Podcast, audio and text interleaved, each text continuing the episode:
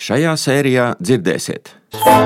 No Nacionālās apvienības abas šīs principiālās reizes ir saldējis pārītis divi cilvēki, kuri nebalso. Un tie ir. Nu, tur momentā nāca secinājums, ka amerikānis ir stiprāks, bet krievs ir tuvāk. Acīm redzam, pastulbo bezkalnīgo zaglīgo stulbeni, bijušo iekšlietu ministru, kas raksturīgi Sandi Girģenu.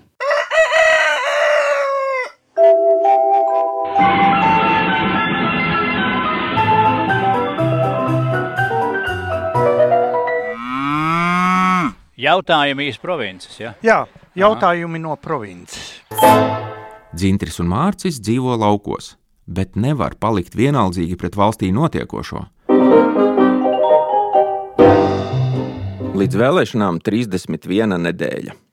Šķiet, ka pagājušās nedēļas lielākais apdraudējums mums būs vai bija Ukraina. Izrādījās, ka ir pavisam savādāk. Mums notika konstitucionālā krīze pagājušajā nedēļā. Un tāpēc uh, telefons šodien ir sarkans. Jau no paša rīta man zvana no visām provincēm, un šobrīd es pieņemu zvanu. Tas varētu būt no kuģižiem. Hello! Ah, sveiks, sveiks! Es dzirdu, ka kaut ko tā krīze jau ir tā kā beigusies. Nu, tā konstitucionālā. Nav īsti skaidrs.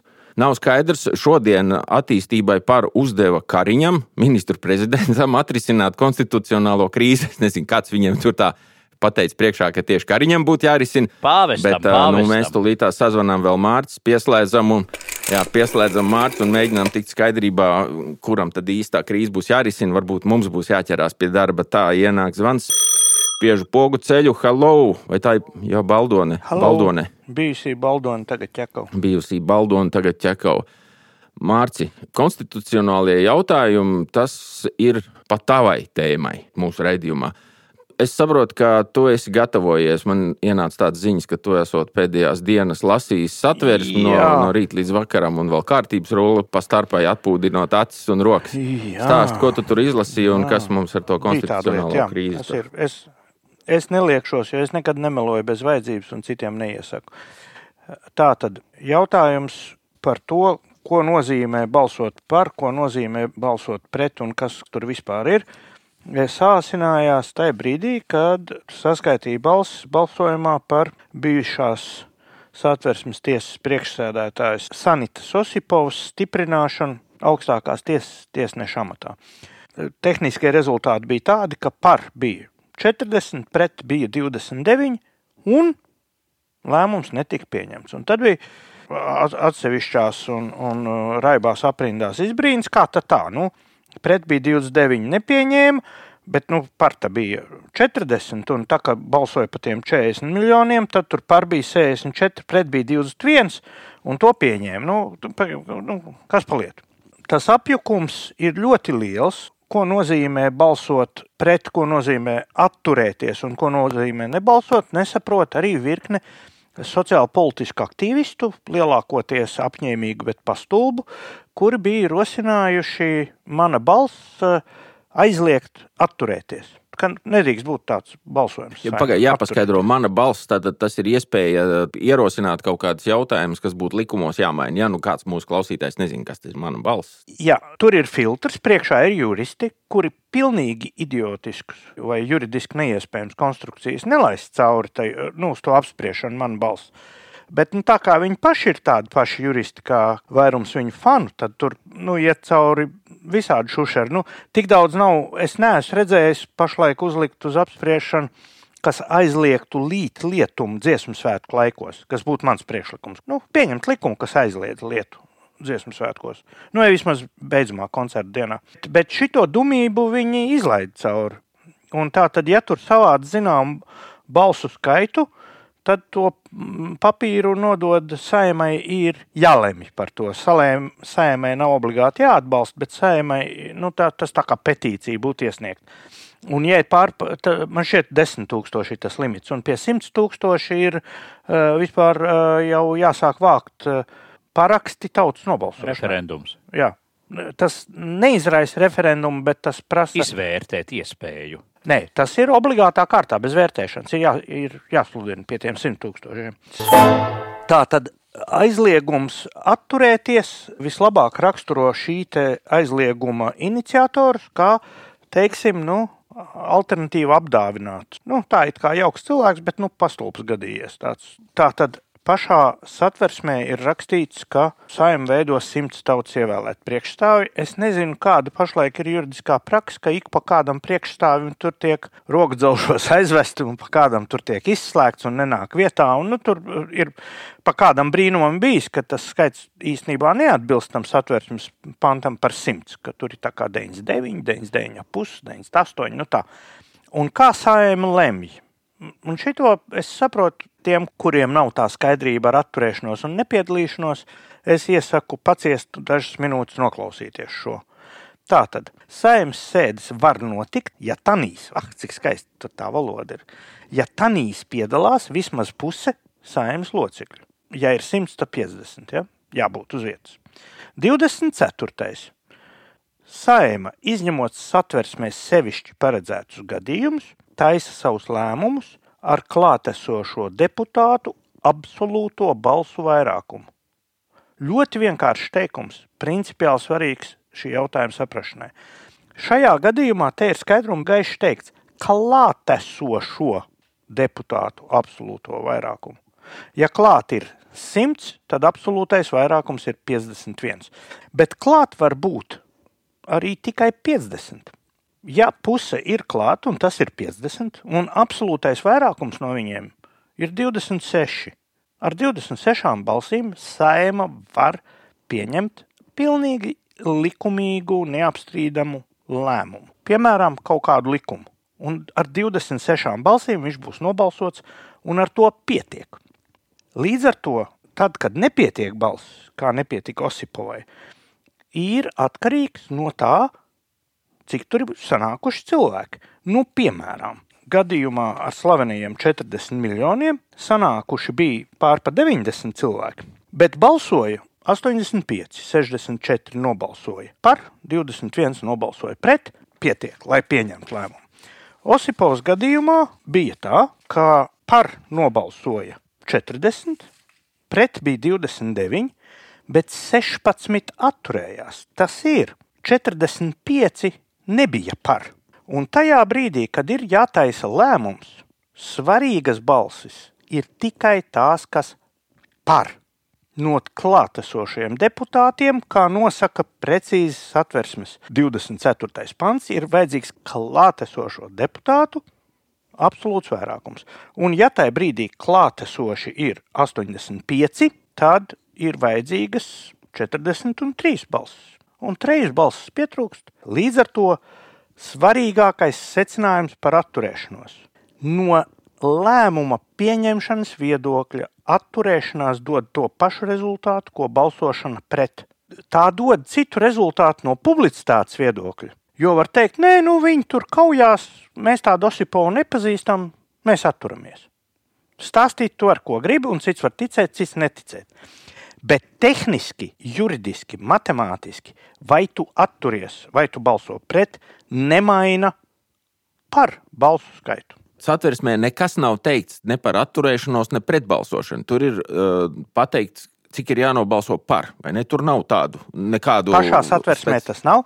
Tas ir atrodams kārtības rullī, kas jau ir paskaidrojams mazajiem par zvēriņiem. Ja?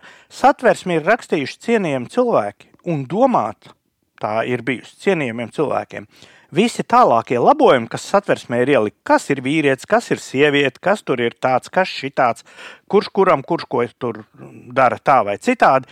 Tas jau ir mūsdienu nelaime, ka uh, kopumā politikā ir ienākusi nekulturālu, mazizglītotu, pastulbu, agresīvu un pašpārliecinātu cilvēku paudze, un tad priekš viņiem uh, raksturs preambulas, kuras tur nebija pirms simts gadiem un tā tālāk to reālo procedūru, paskaidrojot cilvēciskā valodā, ko tas nozīmē. Pat ja šķiet, ka zāle sēž pilna, visi beņķi aizņemti, izņemot tos, kas arestēti, tur 99 sēž. Ja? Un pēkšņi viens saka, ziniet, es gribētu pārskaitīt. Jo izrādās, ka no tiem simts, kas sēž, 30 nav tās kartiņas ielikuši. Un līdz ar to viņi ar savu fizisko ķermeni sēž, bet ar savu juridiski aktīvo ir promesoši nepiedalās.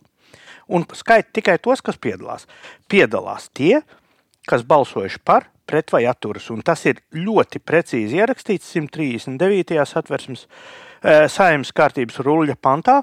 Balsošanas saimnes sēdēs notiek atklāta ar elektroniskas balsošanas iekārtas palīdzību vai ar vēlēšanu zīmēm par klātesošiem balsošanā, un šis ir svarīgs punkts.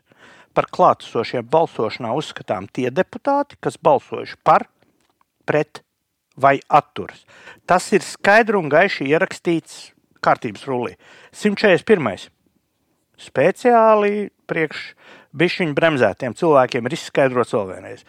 141. panta pirmā daļa. Ja balsis sadalījušās vienādi par, vienādi ar pret un atturas, tur ir speciāli pasvītrots, Dļos Obentu Pika, kā armijā teica, par, vienādi ar pret un atturas izdarām pārbalsošanu. Ja arī pārbalsojot, balss sadalījušās vienādi, balsojamais priekšlikums nav pieņemts. Tas bija gadījums ar Čeveru valdības apstiprināšanu. Tur bija 100 uz vietas, 50 par, 50 pret, pārbalsošana, 50 par, 50 pret. Un Čevers varēja savus puķus daudzīt tur pēdējā rindā gar krēslu Nu, viņam bija sagatavots milzīgs buķets apsveikšanai, un tur bija diezgan traģiski. Tās. 95. gadā tas, Jā, tas bija novembrī, tiem, kuri novembrī, 95. vēl tad nebija zimuši speciāli. Nē, nu vairums mūsu klausītāju, cik es to statistiku saprotu, mums tomēr ir, ir bijuši dzimuši ap to laiku. Mārci, es gribu iedot tādu jautājumu, kā piespēle volejbolā caur ko Ivžiem Dzintri.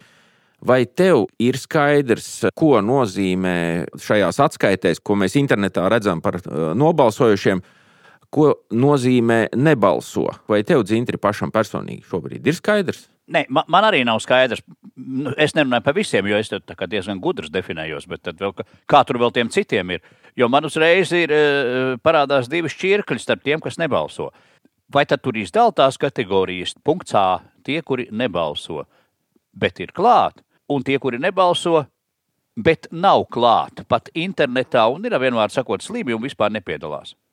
Jā, šitajā te balsojumā, šitos pēdējos, par kurus mēs apskatām par 40 miljoniem un par Osipovu, mēdījos bija atrodami. Tas ir fiziski, tur varētu būt atšķirība, vai tu esi zālē un nebalso, vai tu neesi zālē. Jo, ja tu neesi zālē, tad, un ilgstoši neesi zālē, tev var no algas noņemt. Ja? Nu, tā. Bet, ja tu vienkārši uz vienu balsojumu karti izrāvis, tad dienā sējumā es biju, tu reģistrējies uz pirmo sēdi un pēdējo reģistrāciju izēju, un tu savu dienas naudu esi nopelnījis. Ja? Tā tad šajā gadījumā galvenais ir neputrot starp atturēties un nepiedalīties. Atturēties publiski esi atturējies, tu it kā neesi piedalījies, juridiski tu esi piedalījies, un tava balss ir turpat pēc būtības, kur ir pret. Un tagad piemērs ar Čeveru valdību, jo tas ir tik vienkārši un skaidri saprotams. Simts ir ieradušies, 50 balso par, 50 nebalso par. Lēmums nav pieņemts. Bet tagad pieņemsim, ka divi jau kuri deputāti no tiem, kuri balsoja pret, nav ieradušies un nebalso. Par ir tās pašas 50 balsis. Balsu nav vairāk par.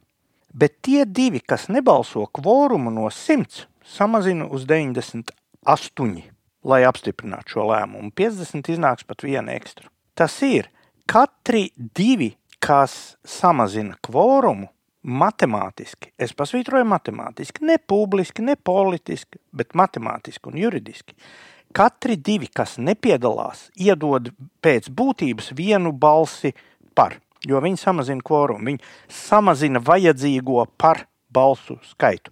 Un, ja nav liela starpība, vai tu samazini katri divi, kas samazina kvorumu, iedod pēc būtības vienu balsi par. Un šajos divos balsojumos, kur ir pievērsuši sabiedrības uzmanību sev, ir viena interesanta sagadīšanās ka kopumā Nacionāla apvienība, man šķiet, viņiem bija pat tāda tā kā partijas lēmumi neatbalstīt nevienu, ne otru. Nu, visādā ziņā viņi ļoti no ideoloģiskām, no savas partijas pozīcijām Nacionālā apvienība uzstājās. Un detalizēti uzstājās pret tiem 40 miljonu to laupīšanu, nu, vai afēru, teiksim tā. Un viņi arī ar ļoti ideoloģiskiem argumentiem uzstājās pret Osipovas virzīšanu augstākās tiesas tiesneša amatā. Bet no Nacionālās apvienības abas šīs principiālās reizes ir saldējis pārītis divi cilvēki, kuri nebalso. Un tie ir, uh, viņa amats ir starptautisko attiecību, kā nu, tās ārlietu komisijas vadītājs Rihards Kols un saimas priekšsēdē, priekšsēdē viena no valsts vis, vis, vis, vis augstākajām amatpersonām. Ināra Mūrniece, abi divi no Nacionālās apvienības, abi divi acīm redzot saist savu karjeru ar kaut kādām starptautiskām iespējām, jo uh, mazu valstu lieliem vadītājiem ir Eiropā visādas iespējas, un Rihards Kols visticamāk arī skatās kaut kur uz Amerikas pusi, un viņi nepiedalās. Jo tā kā viņiem teiks, ko jūs tur nacionāli nobalsojāt, šito to un to, nu, amerikāņu onkuļu uzbreiks. Rihards un Ināriņš teiks, rociņās sadavušies tā puķu groziņu šūpādami. Mēs tur nebijām, mēs puķis lasījām, pavasar gaidījām, tur jā, ilgi bučojāmies, aiz, aiz, kaut kā aizmirsās. Ja? Šis ir ļoti svarīgi tiem mūsu klausītājiem, kuri iespējams uz vēlēšanu laiku caurskatīs šādus balsojumus, atcerieties, tie, kas atturas balsojumā, pēc būtības balso pret. Tie, kas nepiedalās balsojumā, lielā mērā, pa 50%, balso par. Atcerieties to, vienkārši atcerieties. Man ir divi, kamēr es neaizmirstu. Viens ir pavisam sens stāsts vēl senāks kā par Čeveru un Grīnblata valdībām, kurām gāja tur grūti, grūti sarežģīti, un beigās neviena ne otra. Vēl pašā sākumā, kad Latvijas valsts pārzima otru reizi, kad bija leģendārais balsojums, ko visi skaitīja, Interfronte taču arī eh, nebalsoja, nevis balsoja pret. Tad tādā gadījumā man toreiz likās, ka tas nebalsoja ir vēl briesmīgāks pret nekā īstais pret. Bet vai tad, tad nesanāca, ka viņi īstenībā palīdz tiem, kas balsoja par? Redzi, tas nebija balsojums saskaņā ar Latvijas Republikas satversmi Ā, ne mazākajā bija. veidā. Šis balsojums, par uz kur tu atsaucies, ir balsojums saskaņā ar Latvijas PSR konstitūciju. Ko paredzēja Latvijas PSR konstitūcija? To es nemaz nezinu. Iespējams, ka tur uh, bija cits prasības kvorumam, uh, kas savādi, ka tur to vispār apcerētu kvorums. Tur visiem bija jābūt, nu, citādi tu bufetē. Cieto desu. Krakovas desu nedabūtu. Kurš neiet uz sēdi, kurš neieradās uz sēdi? Tur taču bufete. Nu, nu, kas tad tie pa brīnumiem tādu, vai ne? Man šķiet, ka toreiz tika savāds absolūtais vairākums tajā balsojumā. Bet, jā, jā, jā, jā, tā bija. Tā bija, protams. Jā. Šie bet, kvalificētie bet... vairākumi ir ik pa brīžam nepieciešami. Bet pamatā ir vajadzīgs klātesošo vairākums. Un klātesoši ir tie, kas ir reģistrējušies balsojumā. Un tagad, atgriežoties pie blablam, esam atpakaļ šodien no, no neatkarības pirmsākumiem, otrreizējiem. Man šķiet interesanti, interesanti ka minētajam saldajam pārītim, kolam un mūrniecei, vai kāds ir prasījis, nu kā tad tā, Es atceros, ka prasīja visur esošajam iesaulniekam, kurš nemitīgi ir visādos tīklos, nu, ko tad tur tie tur, un viņš sev neraksturīgā tādā pieticībā vārdos prasīt viņiem pašiem. Savukārt viņiem pašiem, nu, tā kā neviens īsti nav prasījis, kas man liktos pat no liberālā gala tāds ļoti patīkams jautājums, nu, kā tad jūs tā? Man, man varētu būt versija. Viens no izskaidrojumiem ir tas, ka prasītāji varētu būt žurnālisti. Un žurnālistu korpusu kvalificēts vairākums ir pilnīgi debīliķi. Viņi to nesaprot, ko mēs tagad runājam. Un līdz to viņi nevar pajautāt. Es pievēršu uzmanību Latvijas televīzijas panorāmā. Odita Krenberga un citi alternatīvi apdāvinātie regulāri lieto izteicienu konstitucionāls vairākums, kas pats par sevi raksturo šo cilvēku bezcerīgo stulbumu. Jebkurš vairākums ir konstitucionāls, ja tas nav antikonstitucionāls. Proti, runa ir par nevis konstitucionālu vairākumu, bet runa ir par kvalificētu vairākumu. Juridiskais termins precīzais ir kvalificēts vairākums, kas ir tās divas trešdaļas. Un šie alternatīvi apdāvinātie to sauc par konstitucionālu vairākumu, jo vārds kvalificēts vairākums viņiem nav saprotams. Varbūt vārdu vairākumu viņi vēl kaut kā puslīdz saprot, vārds kvalificēts ir viņiem pa grūtu. Un līdz to viņi nevar pajautāt to, ko viņi nesaprot. Nu, kur nesaprotu. Tad ir man vēl viens jautājums, kuru man uzdeva sen, sen, sen, sen atpakaļ, kad es vēl biju ļoti, ļoti jauns. Kāda meitene vienā intīmā brīdī? Opa! Ko teica meitene intīmā brīdī? Kas tagad būs? Kas nu būs? Viņiem būs sēde tur, nu, nacionāļiem. Nacionāļiem? Nē, nu tur jau tā lieta, ka tie ir, nu, tā kā. Nu, nosvīduši, kā teiktu, manā skolas laikā. Viņi nosvīduši. Vienam varbūt tur ir pat izziņa, pat caurēja kaut kāda, nu, tur maz kas. Nu, viņi nav, nav piedalījušies. Nu. Tādā ziņā vēl interesantāks ir tajā miljonu afērā e, zemsaviešu frakcijas uzvedība ir vispār amizanti. Ja? Tur ir pilnīgi visi, visi dzīves varianti par, pret, nepiedalās. Tur Dūklaus bijis pret tiem 40 miljoniem. Nu, neatkarīgajiem jau arī. Nu, jā, bet viņiem nav frakcijas īsti. Nu, jā, nu, tā, tas tur, tur, nu tur tiešām kā pūt un palaidjā. Bet, lai nacionāļi uzvilktu uz kašķi ar savu pašu saimnes priekšsēdētāju, es nevaru. Nevar to iztēloties, nemāku iedomāties, atvainojiet. Visticamāk, tas būs kaut kas tāds, ko viņi aprīs un mierīgi.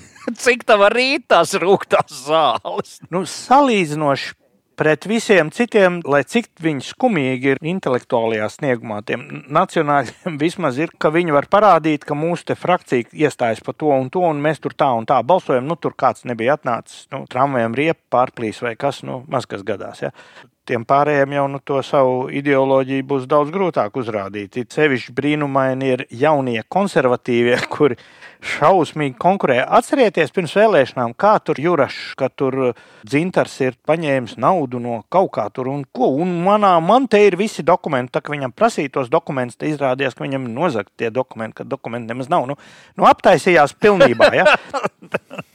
Tas ir tā kā ģirģena mobilais jā, jā. telefons. Viņi gribēja būt vēl nacionālāki un vēl konservatīvāki. Nu, tagad šie ļoti nacionālie cilvēki nobalso par to 40 miljonu naudas afēru un izstrādā likuma projektu, sevišķi konservatīvu par praida visām šīm lietām. Jā. Nu, super. Tādā ziņā nacionāļus tā fona vienkārši ir teicamnieki paibērniņi. Nu, tā, uz fona. Labi, mūsu klausītāji jūtas ļoti priecīgi. Viņiem viss ir skaidrs, un galvenais viņi ir priecīgi par to, ka pašiem nav jālasa satversme un, un 200 punkti kārtības ruļļa. Eh, raidījums dodas tālāk. 234, 77, 667, brīvais telefons mūsu studijā. Uzdod mums jautājumus vai ziņo par nebūšanām savā provincē. Gaidīsim no tevis zvanu, izziņu vai WhatsApp. Brīvais telefons 234 77 667. Mēs pirms brīža runājām, tur bija skaitļu jūra, juridiski un kvalificēti un konstitucionāli viskas, bet ir arī šis tas tāds eh, poētiski elēģisks noticis pagājušajā nedēļā. Dzintri, vārds jums. Ak, Dievs, es tādu pilnīgi jūsu formu un, un es tā kā nosarku no tādas uzlielīšanas. Es ar drabošu rociņu pierakstīju mūsu raidījuma. Tas caurvija elements vai narratīvs tam mūsu šīs dienas raidījumam sanāk alternatīvā apdāvinātība eh, attiecībā uz eh, šo tematu eh, nav jau noslēpums. Es arī ar interesi paskatījos raidījumu viens pret vienu, kur piedalījās nu, Rederkungs kā vadītājs un dzēniece Māra Zālīte. Bet tas stāsts bija tik interesants un tik saistošs un tik paralēli ar ejošu ar mūsu narratīvu, es to nosaucu par ja ko nezinu, uzpras man. Jo redzi, katrā provincē, gan Kuivižos, gan Šķeltovā, gan eh, Bikstos vai Nīkrācē vai Naukšēnos, droši vien, būs redzēts un daudz aprunāts, nu, tāds, tāds elements, tāds, ka tas, to, ko sauc par ciemi jefiņu, kuru nu, laimes māte ir apdalījusi drusku ar garamantām, vai šai tā roka drebējusi, un kaut kas no tās gēnu turziņas ir tā kā iebēries pa daudz, un kaut kas par maz, un kaut kas nemaz. Nu, tā, nu, ierastajās trenūzenēs, dažu numuru lielākā jakā un vecmodīgā buļbuļsakā pa ciema vai mazpilsētas galveno ielu pastaigājis pamuļķais aivariņš, savādājs Ernestiņš, pajocīgais imantiņš. Galvu augstu izslējis, novēro garām braucošos vai ejošos ļaudis. Ja redz ko kādā pagalmā, tad nekorekti ilgi lūr. Labprāt iesaistās arī sarunās, jo redzi, nu viņu ne katrs ir gatavs uzaicināt un ar šādu dīvainīti runāt, kur nu vēl televizoru aicināt. Ir ierastās bailes no citādības, sāks vēl trakot vai kritīs gar zemi un es būšu vainīgais. Dažkārt, protams, bariņā gan, gan jauni cilvēki, gan seniori sadomā savādnieku panērot. Vairāk gan morāli. Fiziski aizskar mazāk, vismaz mūsu pusē, starp citu, klīdi runas, ka pajocīgajam imantiņam esot baigais spēks, ja saniknojoties. Kuru tur janku esot pāri divmetrīgai sētai pārmets? Droši vien, ka izmuldēts, bet, nu, nu, ej, nu zini, šodien jau nekam tā īsti ticēt nevar. Tādēļ mūsu puses pajocīgais imantiņš vairāk tika nerots vārdos, nu tā kā saka, intervējot. Un, lai savādnieks būtu atvērtāks, tam netika žēlot, protams, arī glāze laba lēta vīna. Galvenie jautājumi no publikas, protams, bija par politiku un dzimumu attiecībām. Nu, piemēram, tur, kurš stiprāks, krievs vai amerikānis? Ko ar sievu darīs, kad apprecēsies?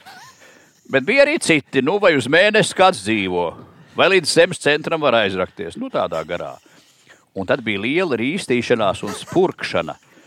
Jo smieties jau kā nedrīkstēja, bet atbildes bija tik efektīvas, ka dažam aiz stūra ātri vajadzēja, lai biksās slapjums neieskrien.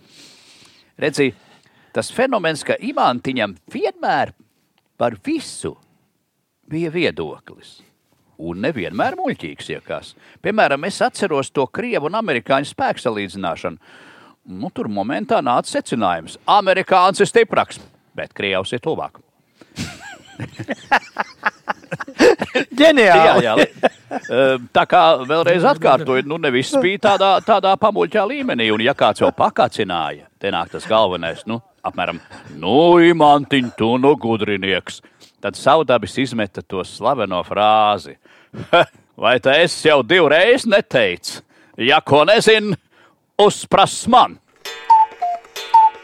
Uzpras manijā šausmas, par ko gan es iedomājos, skatoties televizorā viens pret viens raidījumu ar dzēnieci un aktīvu sabiedrisko darbinieci Māru Zālīti. Nē, nu pirmkārt jau bija atšķirības. Nerošana tur nebija.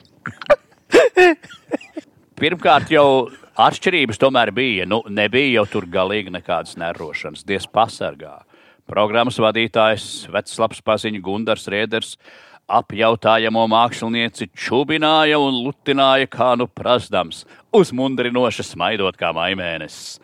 Un kā var noprast, tad viens no tiem galvenajiem, man atkal patīk tas narratīviem šajā raidījumā bija, nu, kā viens domājošs cilvēks tagad varētu nu, šādā situācijā, tur Covid un, un kari gaidāmie, kā varētu saglabāt mieru. Varēja saprast, ka Māra atbildi nezina. Taču te ir otra citādība, atšķirībā no pajocīgā imantiņa. Redz, šamais neprot tik spoži aiziet prom no jautājuma, ja nezina atbildi. Jo, redzi, imantiņš zina visu, māra zālīte gandrīz visu.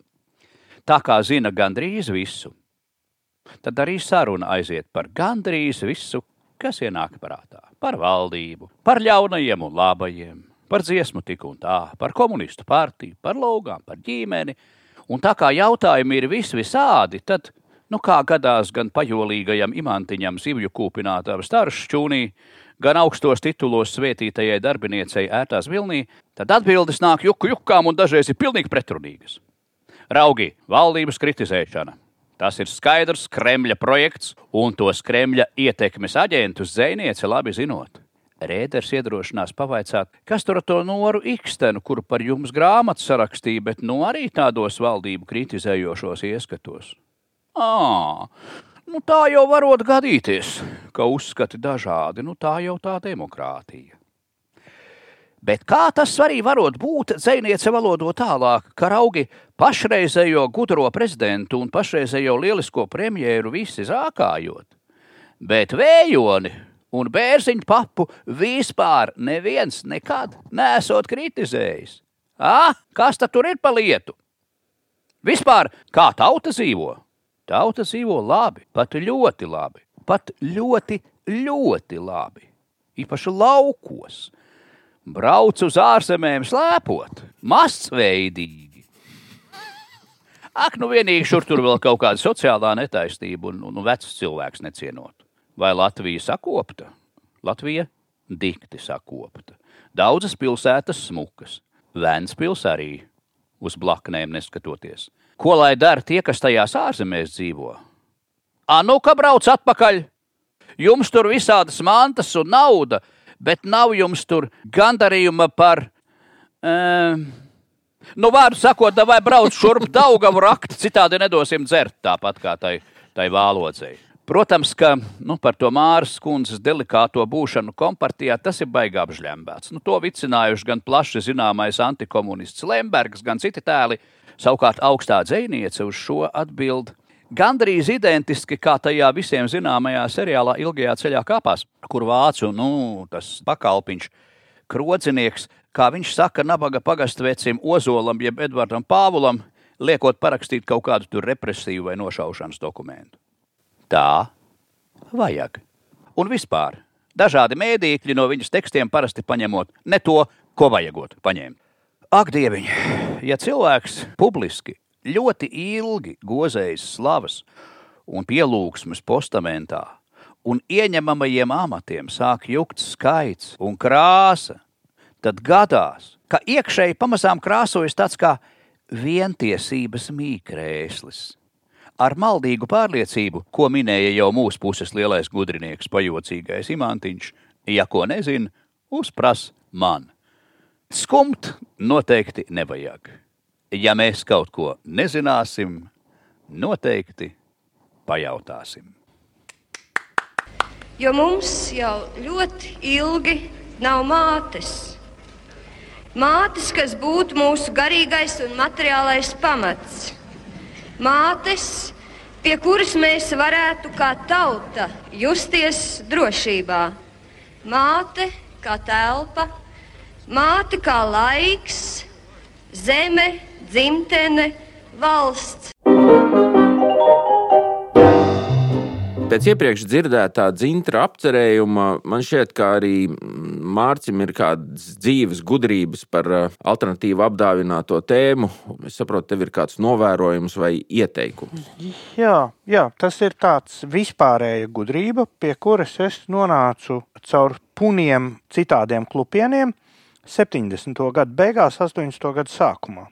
Fotogrāfu vidē tajā brīdī bija centīga vēlēšanās tikt pie Japāņu spoguļu kameras. Katrs, kas bija pārvarējis to pirmo fotografēšanas prieku, ja pievērst uzmanību kvalitātei, bija skaidrs, ka ar to zenītu var uztaisīt vai nu, vai nu sūdus, vai pavisam sūdus. Un Japāņu kamera maksāja lielu naudu, un to nevarēja nopirkt veikalā. Tā bija jāsarunā, lai kāds atved.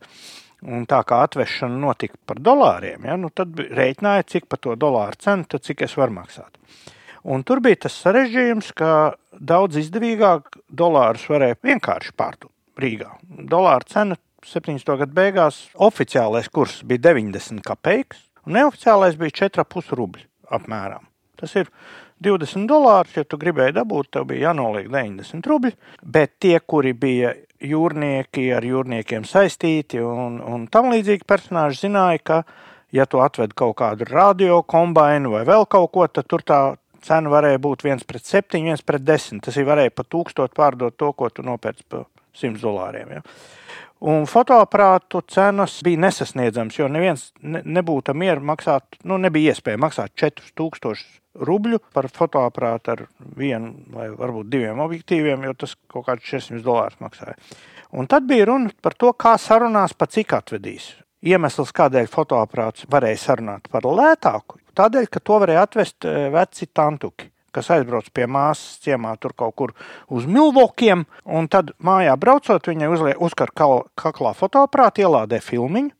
Tad tas ir lietotā aparatūra, un saka, tā ir privāta, un līdz ar to tur varēja sarunāt lētāk. Un tad, lai to komplektiņu pareizi sarunātu, un tā mazāk specializēti cilvēki griezās pie lielākiem speciālistiem, un es tāds biju tajā laikā, un pa aparatūras komplektācijas un tādiem jautājumiem. Un pie manis nāca cilvēki, un es pamanīju tādu likumsakarību, ka visi tie, kur saka, es esmu baigi izdevīgi sarunājis, man atvedīs viens pret trīs, vai man atvedīs pa tūkstot kameru četriem objektīviem.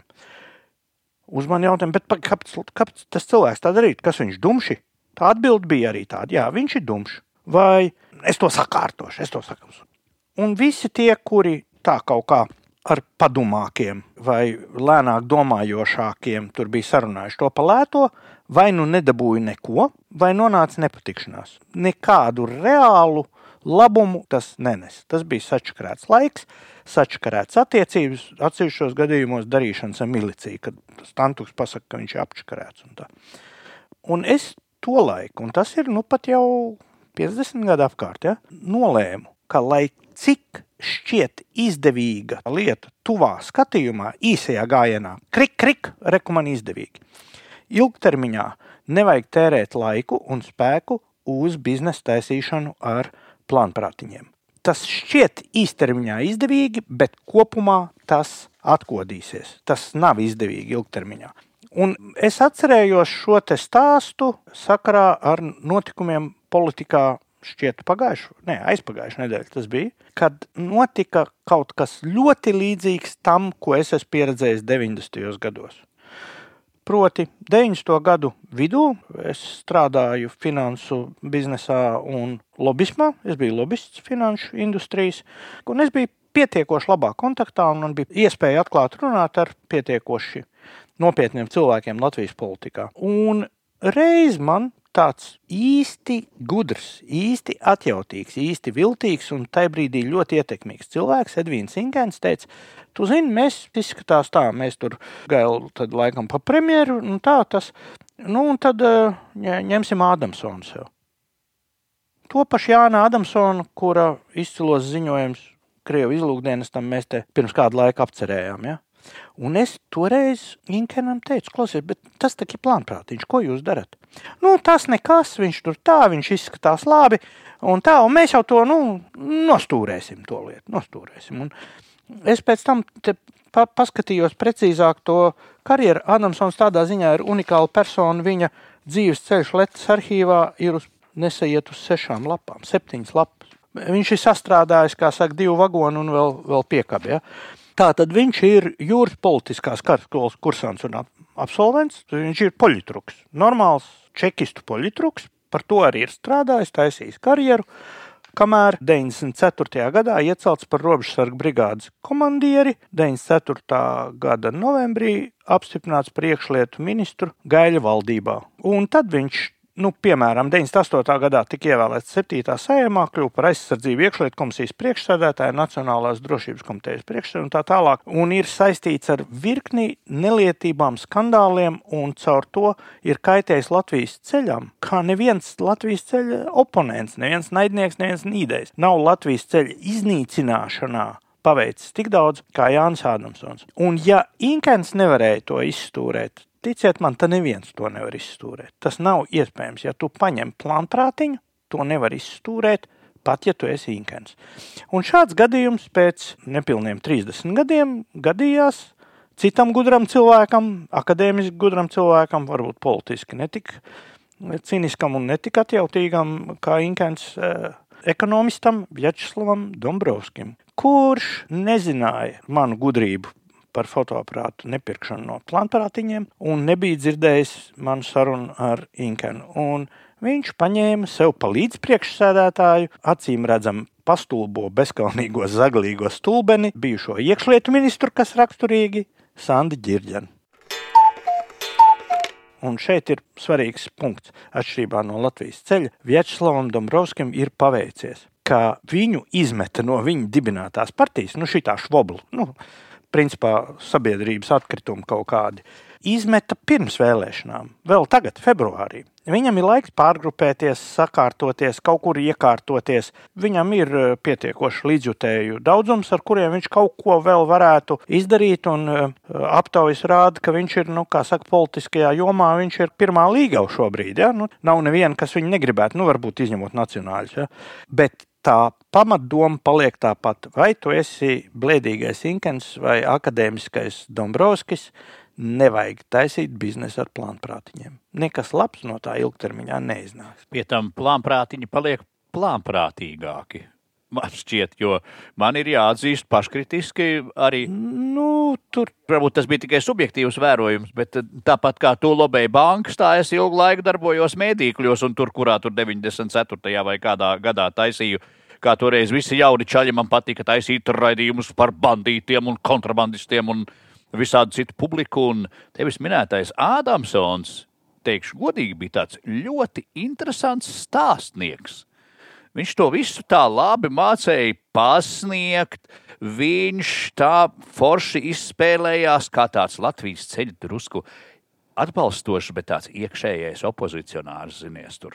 Man jau lika tur palaist pāri robežai kaut kādas radioaktīvās olas, bet es nepalaidu, un ko tur viss, un tas viss bija pietiekami interesanti, un vēl kādu laiku, ir jāatzīst, man tas tā tīri labi patika. No tā es gan secinu, ka plānprātiņi paliek plā- plānprātīgāki. akadēmiķis Dombrovskis domāja pamatoti, ka viņš ir gudrāks. Un gudrāks viņš Tas ir. nelīdz, Bet tas nelīdz. Tur ir tas punkts. Tas nelīdz. Nevajag taisīt biznesu ar plānprātiņiem. Tas, ka tu esi gudrāks. Vienkārši pabeidzot tēmu par Ādamsonu grūto likteni, kura stāstniecība tagad pārnesusies kriminālā jomā. Nu, pirms tam tā stāstniecība uzplauktajos ziņojumos arī. Jā, eh, septiņu lapu viņa dzīves aprakstā, kas ir eh, Latvijas arhīvā, ir arī eh, 95. gada martā. Viņš iestājas Latvijas ceļā, galvojumu dod. Paklausieties, kāds saraksts. Pauze. Māris Gailis, Andrejs Panteļējos, Jānis Laksdiņš un Jānis Krūmiņš. Inkem tur nav.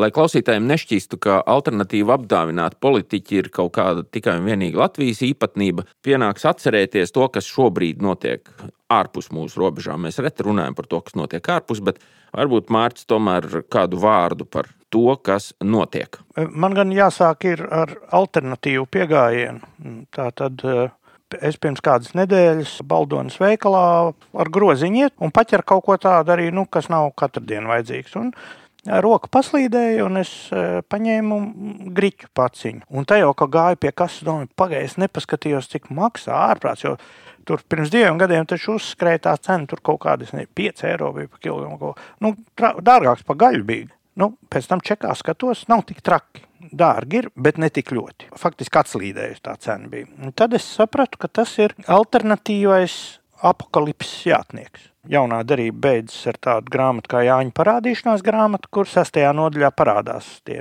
apakalipses jātnieki. Četri gabali tur tiek uzskaitīti, kas it kā simbolizē antikristu uzvaru, tur, badu un karu un visu kaut ko kopā. Un, nu, tā. Bet nu, dzīvē kā? Manā saprāšanā tas alternatīvais apakalipses jātnieks ir griķi. Jo, ja griķi maksā dārgi, tad būs sūdi. Taču tas ir pilnīgi nu, būs. Un tā kā es sapratu, ka tie grīķi maksā lētāk, es domāju, ah, tā jau ne, nekas nebūs slikts, varbūt tā, bet, bet pa pusē. Un tad noprecizējās tagad tie notikumi tā. Lockdowns nebūs, bet karš ir. Karš jau ir, karš turpinās. Alternatīva apdāvinātie Makrons ar Šolcu attiecīgi Francijas prezidents un Vācijas kanclers, nu skraida slapju muguriņu, lai kaut kā pierādītu to, ka Ukrāņi ir tie, kas neievēro Minskas eh, tā saucamo mieru līgumu, ka, protams, eh, karot nevajag un nekādā gadījumā, un, un, un, Krieviem neko sliktu darīt nevajag. un tā.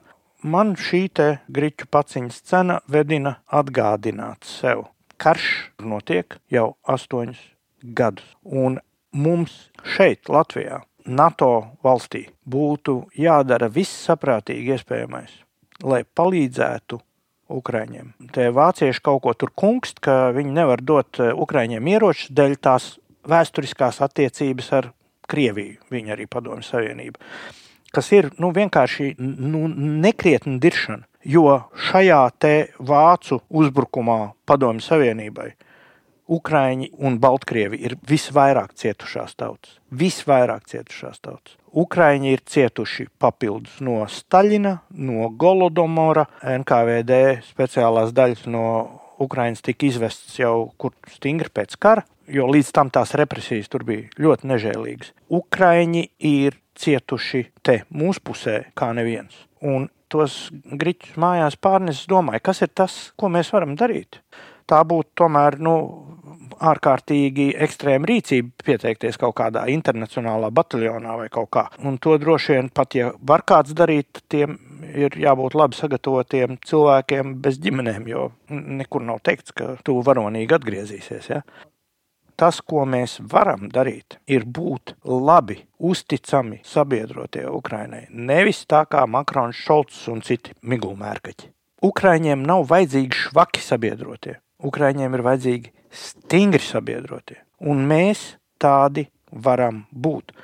Un savukārt vienīgais, vienīgais racionālais veids, kā mēs to varam darīt, ir stiprināt zemesardzi.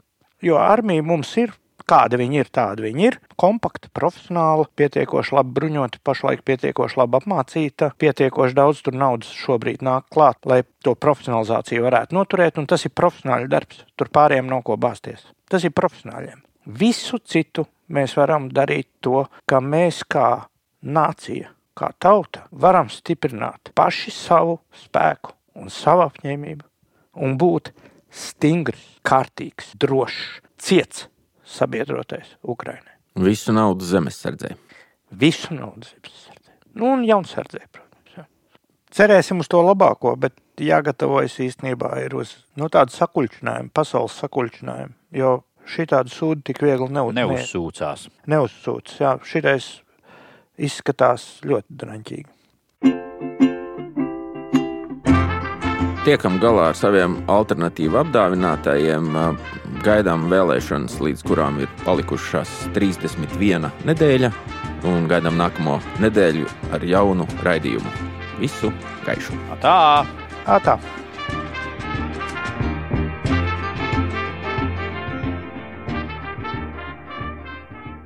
Tu tikko noklausījies raidījuma jautājums no provinces.